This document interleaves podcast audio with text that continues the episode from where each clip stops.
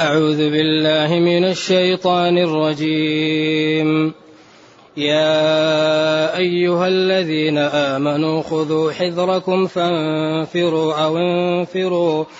يا أيها الذين آمنوا خذوا حذركم فانفروا ثبات أو انفروا جميعا. وإن منكم لمن ليبطئن فإن أصابتكم فإن أصابتكم مصيبة قال قد أنعم الله علي إذ لم أكن معهم شهيدا. ولئن أصابكم فضل من الله ليقولن كأن لم تكن بينكم وبينه مودة. يا ليتني كنت معهم يا ليتني كنت معهم فأفوز فوزا عظيما. فليقاتل في سبيل الله الذين يشرون الحياة الدنيا بالآخرة. ومن يقاتل في سبيل الله فيقتل أو يغلب فسوف نؤتيه أجرا عظيما. وما لكم لا تقاتلون في سبيل الله والمستضعفين من الرجال والنساء والولدان الذين يقولون الذين يقولون ربنا أخرجنا من هذه القرية الظالم أهلها واجعل لنا واجعل لنا من لدنك وليا واجعل لنا من لدنك نصيرا. الذين آمنوا يقاتلون في سبيل الله والذين كفروا يقاتلون في سبيل الطاغوت فقاتلوا أولياء الشيطان. فقاتلوا أولياء الشيطان إن كيد الشيطان كان ضعيفا. الحمد لله الذي أنزل إلينا أشمل كتاب وأرسل إلينا أفضل الرسل وجعلنا خير أمة أخرجت للناس. فله الحمد وله الشكر على هذه النعم العظيمة والآلاء الجسيمة والصلاة والسلام على خير خلق الله وعلى آله وأصحابه ومن اهتدى بهداه. أما بعد فإن الله تعالى ينادي المؤمنين ويأمرهم, ويأمرهم بأخذ الحذر. يا أيها الذين آمنوا خذوا حذركم. بعد أن أمر بطاعة الله وبطاعة رسوله وأمر وبين بين يبين مقاطع مهمة لحياة الأمة. لأنها بها تكون العزة وتكون الرفعة وتكون الجنة وتكون السعادة. يا أيها الذين آمنوا خذوا حذركم. ورد عن بعض السلف إذا سمعت الله يقول يا أيها الذين آمنوا فرعه سمعك فإنه خير تؤمر به أو شر تنهى عنه. يا أيها الذين آمنوا خذوا حذركم. الأخذ هو تناول الشيء والتمسك به. والحذر هو التيقظ والانتباه من الأماكن التي يأتي للمسلمين منها المضرة. وهذا توسع في العبارة لأن الحذر لا يؤخذ وإنما يعمل به ويتنبه له. وهو توسع في العبارة. إذا يا أيها الذين آمنوا خذوا حذركم. أي قضية تريدها؟ أول استشيروا واستخبروا. واعرفوا قوة العدو وأما وإمكانياتهم. ولا تقدموا من غير أن تكون لكم معرفة بالأمور لأن ذلك يسبب لكم الضعف والهزيمة. خذوا حذركم. فلا بد أن نأخذ الحذر. ولذلك كان النبي صلى الله عليه وسلم يعطي بشره لجميع الخلق لكنه كان يحذر. في القضايا المهمة ينادي لها أبا بكر وعمر و والذين يستنبطون الأمور. أيوة. أما بشر وتوجيه ونصح وإكرام للجميع. لكن القضايا المهمة يأخذ فيها حذره لا يبلغ بها إلا كبار الصحابة ومن هم يتحملون المسؤولية. إذا خذوا حذركم. خذوا حيطتكم. انتبهوا لأموركم. لأن من أكبر أسباب النصر الأخذ بالحيطة. الحذر من العدو. لا يستقل لا يستهان به لا تترك ثغرة له. لذلك الحذر هو أن الإنسان يعني يقوم بكل ما يستطيع من الأسباب ولا يترك ثغرة أبدا. هو الحذر. بعدين قال يا أيها الذين آمنوا خذوا حذركم فانفروا ثبات أو انفروا جميعا. هذا الحذر هو الذي به هل يصلح النفر ثبات أو جميع؟ لأنه لأنه بعد الحذر وبعد الانتباه أنتم بالخيار انظروا المصلحة. فإذا كانت المصلحة في النفر ثبات افعلوا. وإذا كان المصلحة في النفر جميعا افعلوا. بس بعد أخذ الحذر. أهم شيء خذوا حذركم. ولذلك ينبغي للمسلمين أن يحتاطوا في أمورهم. يهتموا بالقوة. يهتموا بالإبداع. يهتموا بالمؤسسات. يهتموا بالعقول. يهتموا بالعلم. يهتموا بالاستشارة. لأن هذه هي منابع القوة العلم الاستشارة أخذ الحيطة لإعداد شراء العقول الاهتمام بالأذكياء الاهتمام بالعقلاء الاهتمام بالمال وتصريفه في مصارفه التي شرعها لنا ربنا.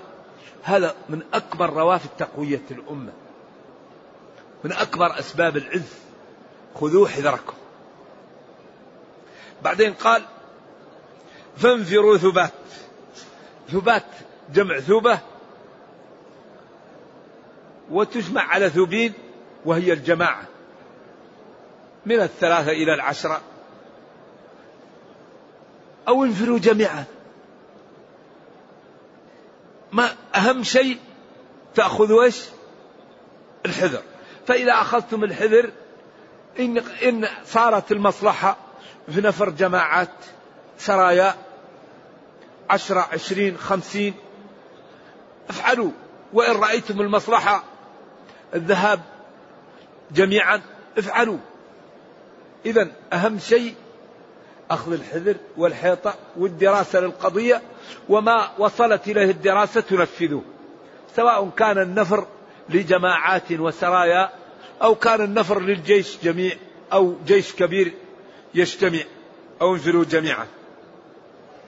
من العلماء من قال هذه الآية ناسخة لقوله انفروا خفافا وثقالا.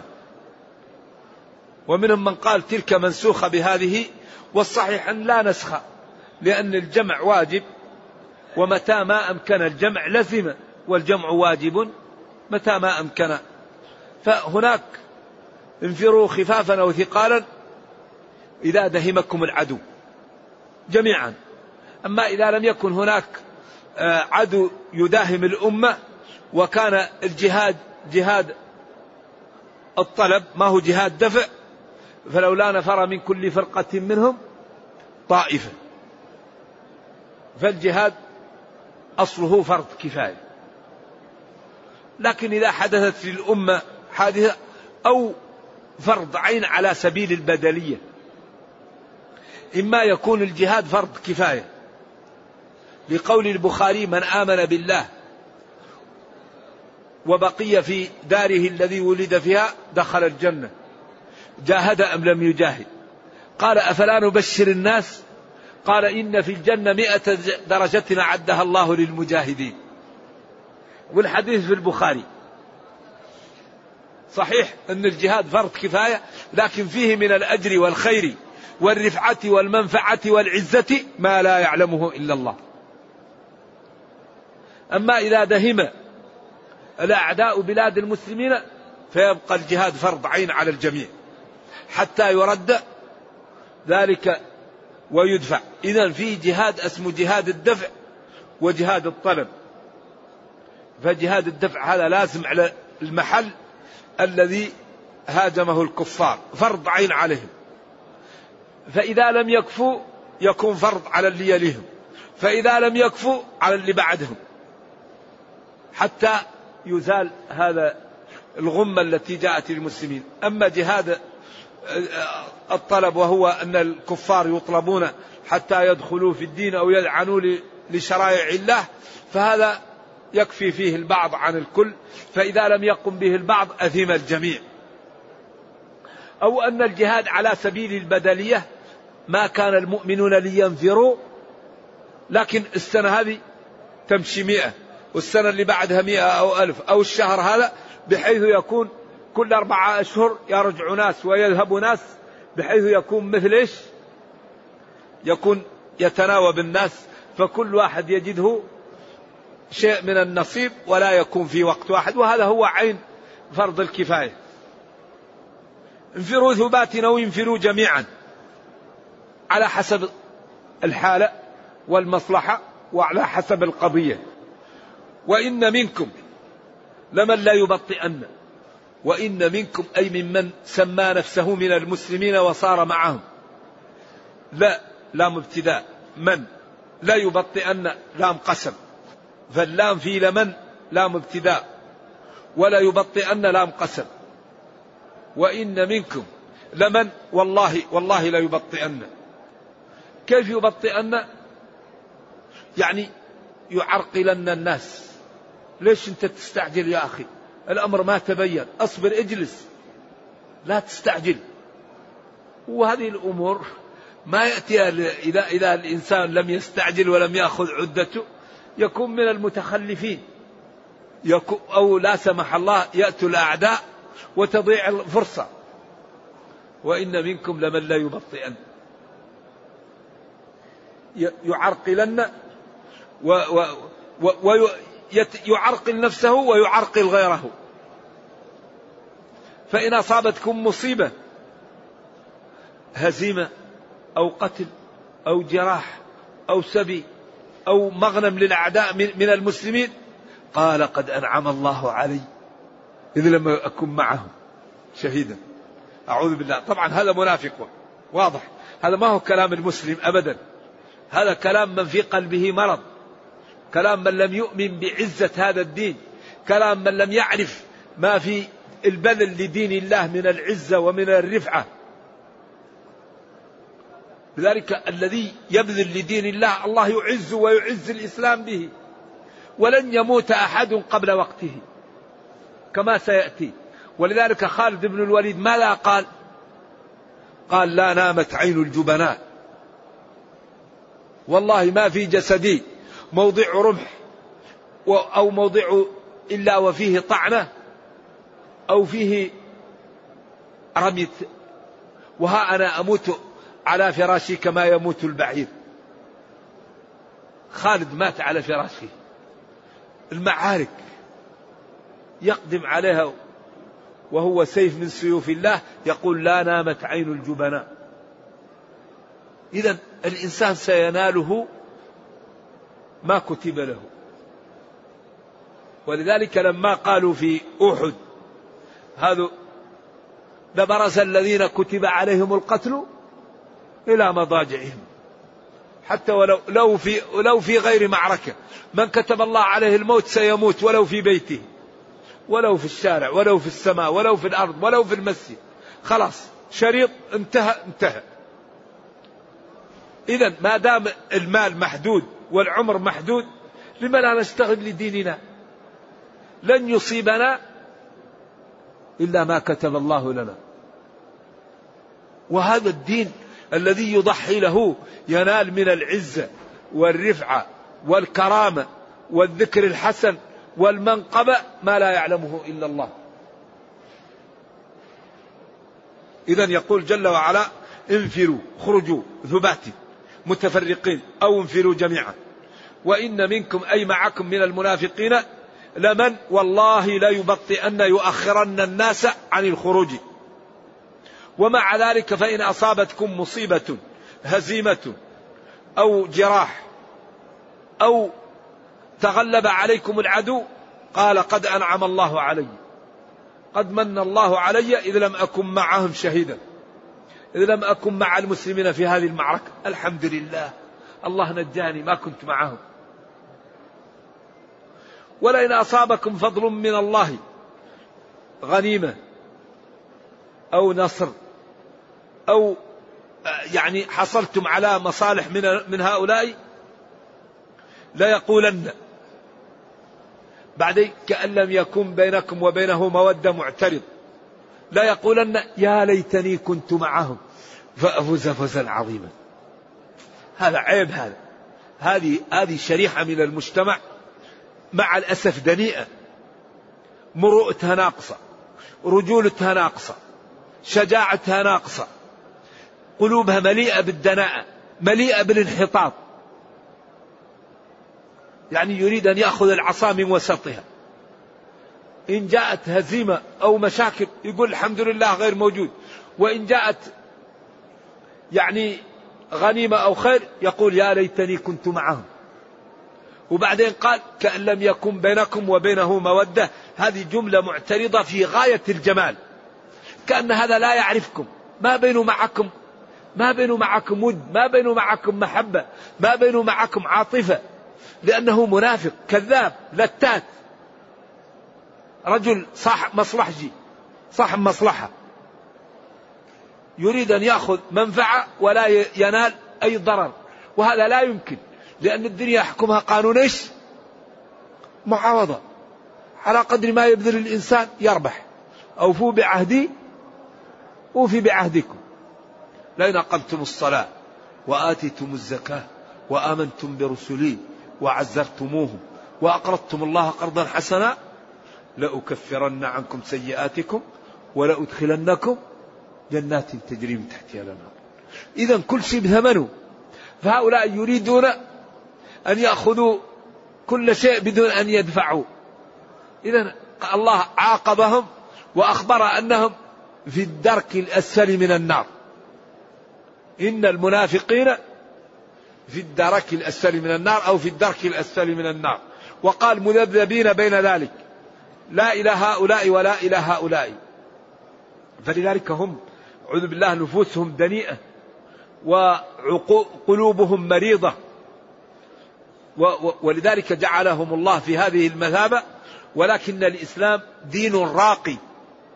ويراعي المفاسد والمصالح. فلما أعلن هؤلاء أنهم من المسلمين وكان ما في القلوب لا يطلع عليه إلا الله قبل منهم الظاهر. ولكن أخبر أنهم هم أدنى درجات أهل النار. في النار يكونون في أخص طبقة من النار في أخص درك. ولكن الإسلام لا يقتل من ينتمي للإسلام ولا يأخذ الناس إلا بما أظهروا. فالذي يقول أنا مسلم ويظهر الصلاة ولو هو كاذب ما عند المسلمين إلا يقبل منه. ولكن إذا أظهر أحدهم ما في قلبه أخذ به.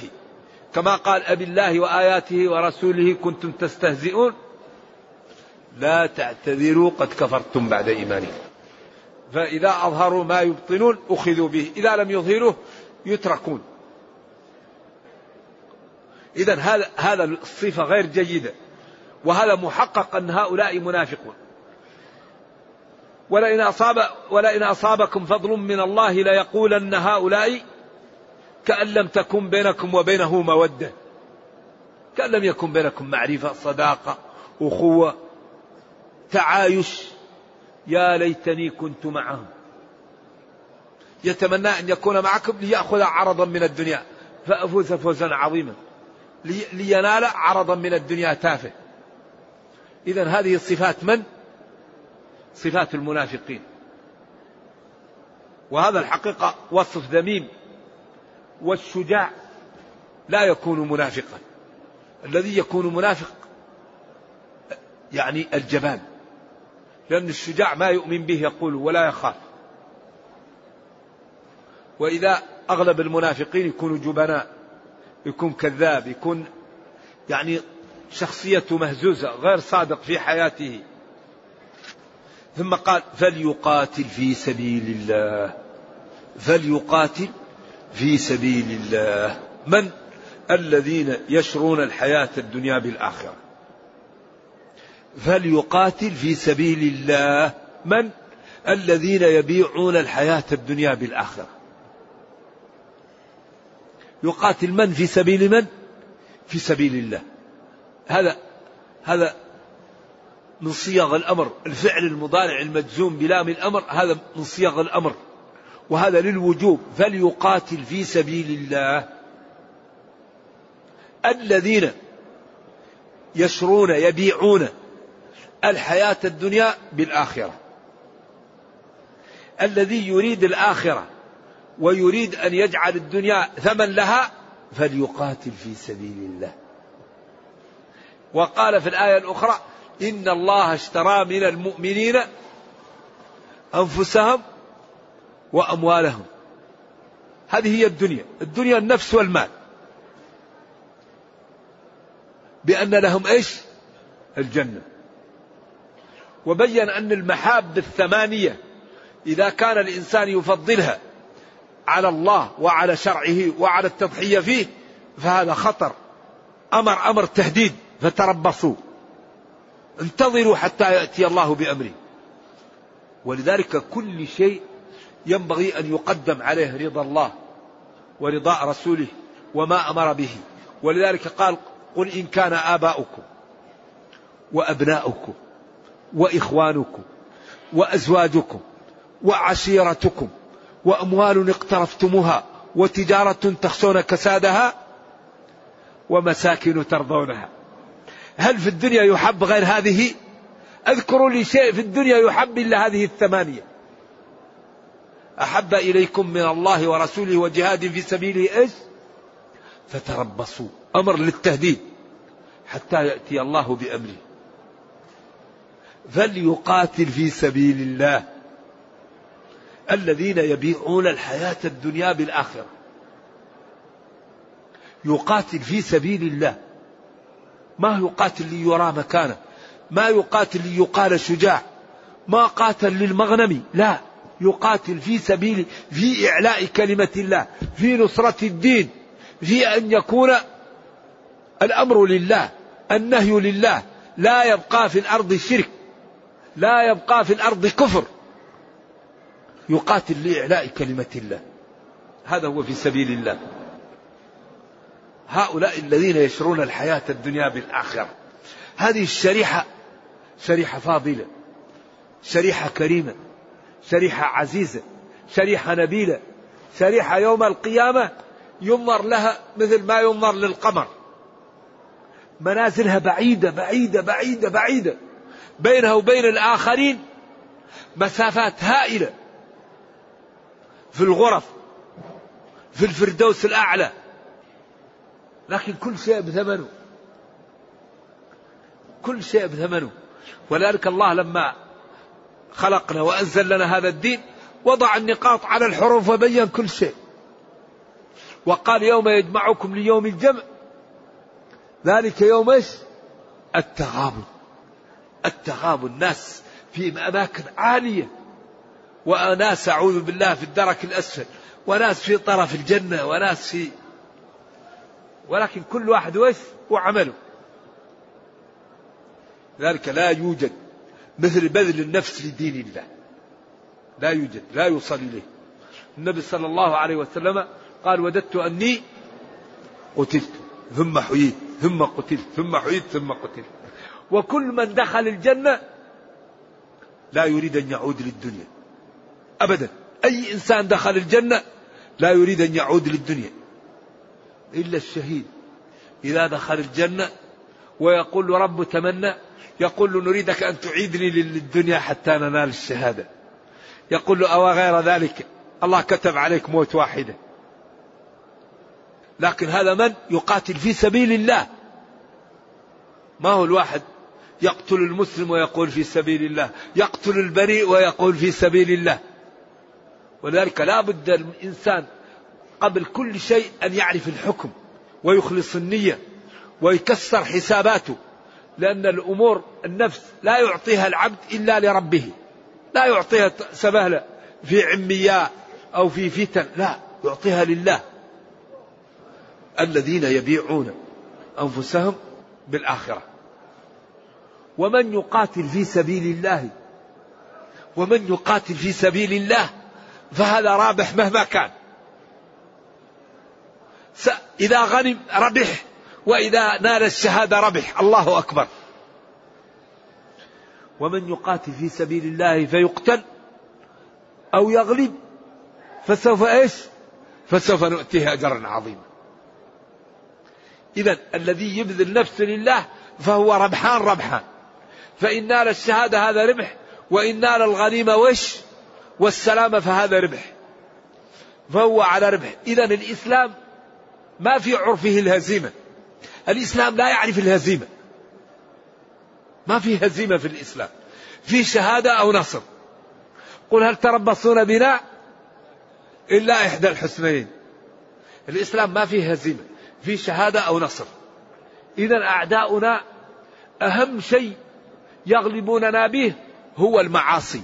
هو المخالفة هو البعد عن شرع الله هو عدم تطبيق شرع الله هو الانشغال بالدنيا عن الآخرة هو الانشغال بالتوافه عن الأمور العظيمة التي تعزنا في الدنيا وترحمنا في الأخرى. أكبر ما ننهزم به هو المخالفة. أكبر ما ننهزم به هو عدم الطاعة. أكبر ما ننهزم به هي المعاصي. ما في شيء يحطم المسلمين مثل أن يغرقوا في المعاصي ويتركوا أوامر الله ويقدموا على نواهي الله فعند ذلك يتقوضون ولا ينصرهم الله. والنصر له ركنان. لا بد أن يعلم المسلمون أن النصر يأتي بركنين أساسيين. وهما ما هما الركنان الأساسيان؟ الاستقامة على شرع الله. والإعداد. يا سلام. أحسن الله إليك. إذا ينتصر المسلمون بالاستقامة والالتجاء إلى الله. الباب الثاني إعداد ما يستطيعون ولو عصى. فإذا قام المسلمون بالركنين لا بد أن ينتصروا. وكل هزيمة للمسلمين أو عدم نصر إما بالتفريط في أحد الركنين. وهما متشابكان. ولما قام المسلمون بالركنين في غزوة الأحزاب الله نصرهم بشيء لم يكن في الحسبان. جاءت قريش وجاءت غطفان وجاءت هوازن وجاءت الأحابيش. الأحابيش قبائل مختلطة تسمى الأحابيش. جاءوا من فوق المدينة وجاءوا من أسفلها. ووصف الله الموقف حتى قال وبلغت القلوب الحناجر.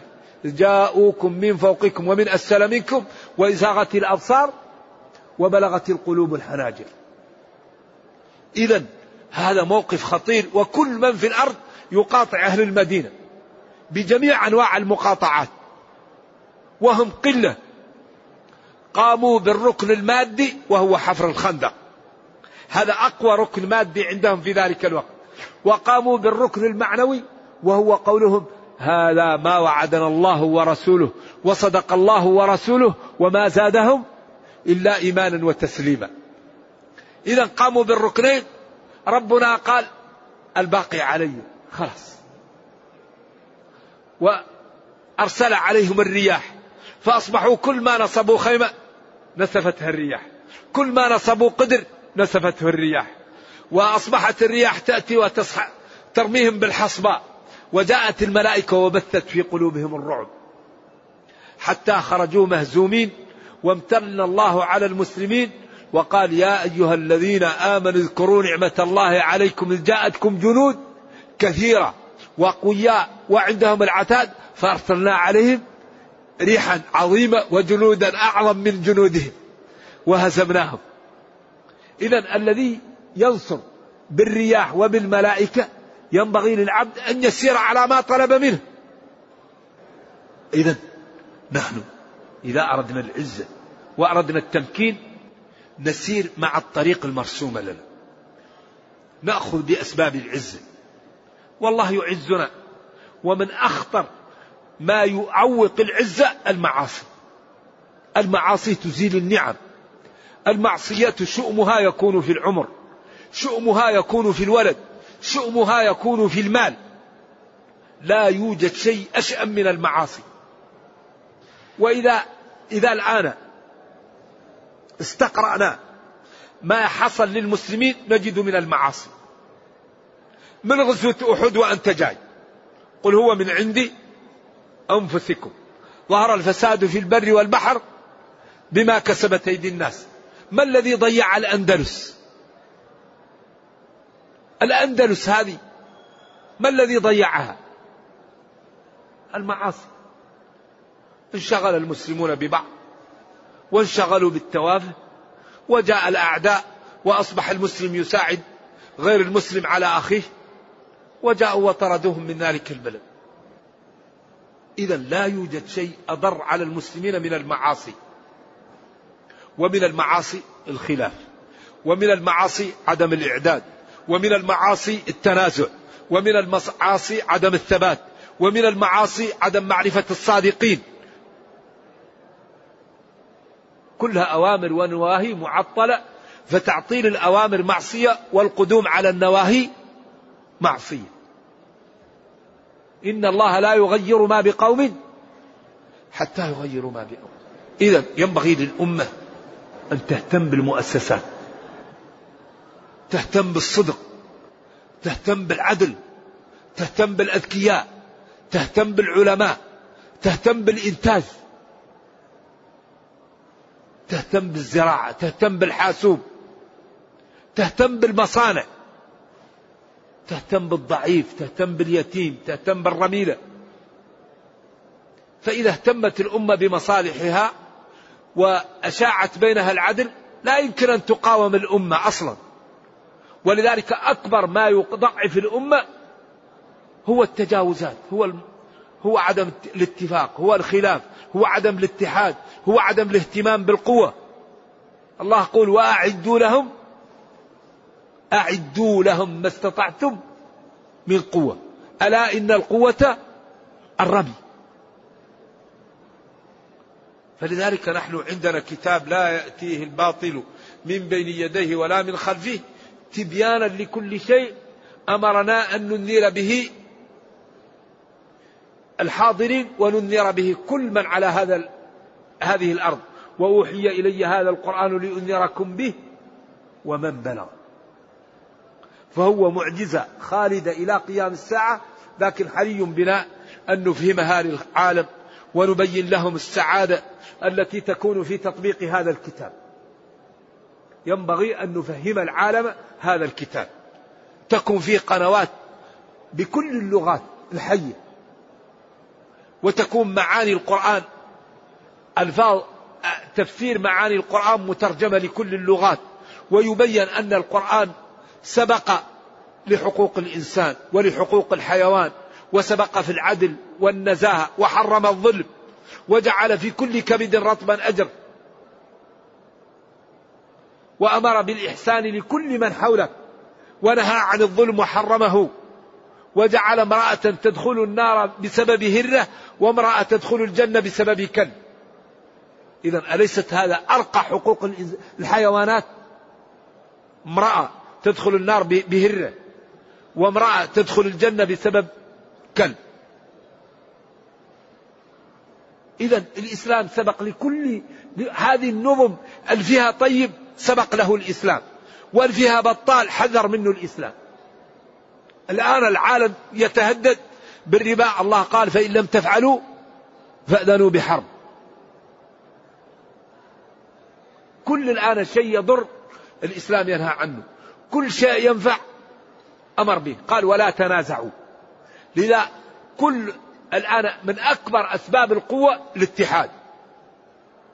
من أكبر أسباب القوة عدم الخلاف.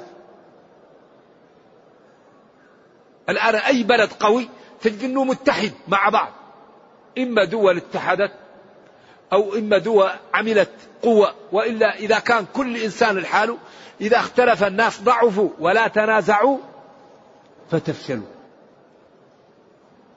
لذلك ديننا بين لنا روافد العزة روافد الكرامة. يعني كيف الأمة تكون قوية؟ كيف تتجنب الضعف؟ كيف تتجنب مسالك الهلكة؟ إذا ومن يقاتل في سبيل الله فيقتل أو يغلب فسوف نؤتيه أجرا عظيما. الذي يبذل نفسه لله أجره عظيم. فإن نال الشهادة فالأجر عظيم وعظيم وإن نال الغنيمة فالأجر عظيم. فهو نال الأجر. ثم قال وما لكم؟ ما الذي يمنعكم من أن تقاتلوا في سبيل الله؟ ما المانع؟ الله أكرمكم وأعطاكم هذا الدين وأعطاكم القوة وأعطاكم العقل ومكن لكم. ما المانع أن تقاتلوا في سبيل الله؟ وتقاتلوا في سبيل تخليص المستضعفين من الرجال والنساء والولدان الذين منعهم أقاربهم في مكة من أن يذهبوا للهجرة وبقوا هناك مستضعفين يضطهدون بين الكفار. إذا ما الذي يمنعكم أن تقاتلوا لإعلاء كلمات الله ولإنقاذ المستضعفين من المسلمين الذين هم تحت وطأة الكفار؟ من الرجال والنساء والولدان الذين يقولون يدعون يا ربنا أخرجنا من هذه القرية الظالم أهلها وهي مكة. في ذلك الوقت قال ابن عباس كنت أنا وأمي من المستضعفين. والحقيقة جاء فتح مكة والنبي صلى الله عليه وسلم أنقذ هؤلاء وذهب إليهم بألف عشر ألاف. وجاء أبو سفيان وقال من دخل داره فهو آمن ومن دخل دار أبي سفيان فهو آمن ومن دخل المسجد فهو آمن. واختلفوا هل مكة فتحت صلحا أو عنوة على الخلاف المعروف. والله تعالى أنقذ المسلمين وجعل مكة لا يدخلها إلا مسلم. فتحت مكة وحج قبل أبو بكر بالناس وتلا عليهم آية التوبة. إنما المشركون فلا يقربوا المسجد الحرام. بعد عامهم هذا وقال لهم أمامكم أربع شهور. فسيحوا في الأرض أربعة أشهر. واعلموا أنكم غير معجز الله وأن الله مخزي الكافرين. هذا الدين دين الروعة دين الجمال. ما في ما في خديعة. لكم أربعة أشهر. وبالاستقراء ما أمامكم إلا واحد من ثلاثة أمور. في هذه الأشهر الأربعة. يا تجمعوا العتاد والسلاح وتقاتلوا المسلمين. يا تدخلوا في الإسلام يا تأخذوا أموالكم وذراريكم وتهربوا من مكة. ولا رابع لهذه. ولكم أربعة أشهر وتختاروا أي الثلاثة أحب إليكم. واعلموا أنكم غير معجز الله وأن الله مخزي الكافرين. دين القوة دين التحدي دين النزاهة دين الصدق دين العدالة. الإسلام لا يغش أبدا. الإسلام لا يظلم. لكن لا بد أن تكون للإسلام إيش؟ يكون الإسلام هو العالي الإسلام يعلو ولا يعلى عليه. وتكون كلمة الله هي العليا. حتى لا تكون فتنة. ويكون الدين كله لله. تبقى الغلبة والعلو للإسلام. بعدين قال الذين آمنوا يقاتلون في سبيل الله. المسلم يقاتل في سبيل الله والذين كفروا يقاتلون في سبيل الطاغوت. إذا كل شيء واضح. المسلم يقاتل لإعلاء كلمة الله والكافر يقاتل لرغبة شيطانية فقاتلوا أولياء الشيطان. إن كيد الشيطان كان ضعيفا. قاتلوا أولياء الشيطان. إن كيد الشيطان كان ضعيفا. ولذلك المسلم لا يمكن أن يقاوم لأنه هو يحب إعلاء كلمة الله يحب ينال الشهادة. الكافر أحرص الناس على الحياة ولا تجدنهم أحرص الناس على حياة. يود أحدهم لو يعمر ألف سنة. لذلك هم أكبر ما يهزمون به نزع محبة الإيمان نزع محبة الخير محبة الشهوات محبة الدنيا محبة الركون للدنيا. هذا أكبر شيء يهزم المسلمين. نرجو الله جل وعلا أن يرزقنا الاستقامة وأن يستعملنا لدينه وأن يوفقنا جميعا لما يحبه ويرضاه. اللهم أرنا الحق حقا وارزقنا اتباعه وأرنا الباطل باطلا وارزقنا اجتنابه.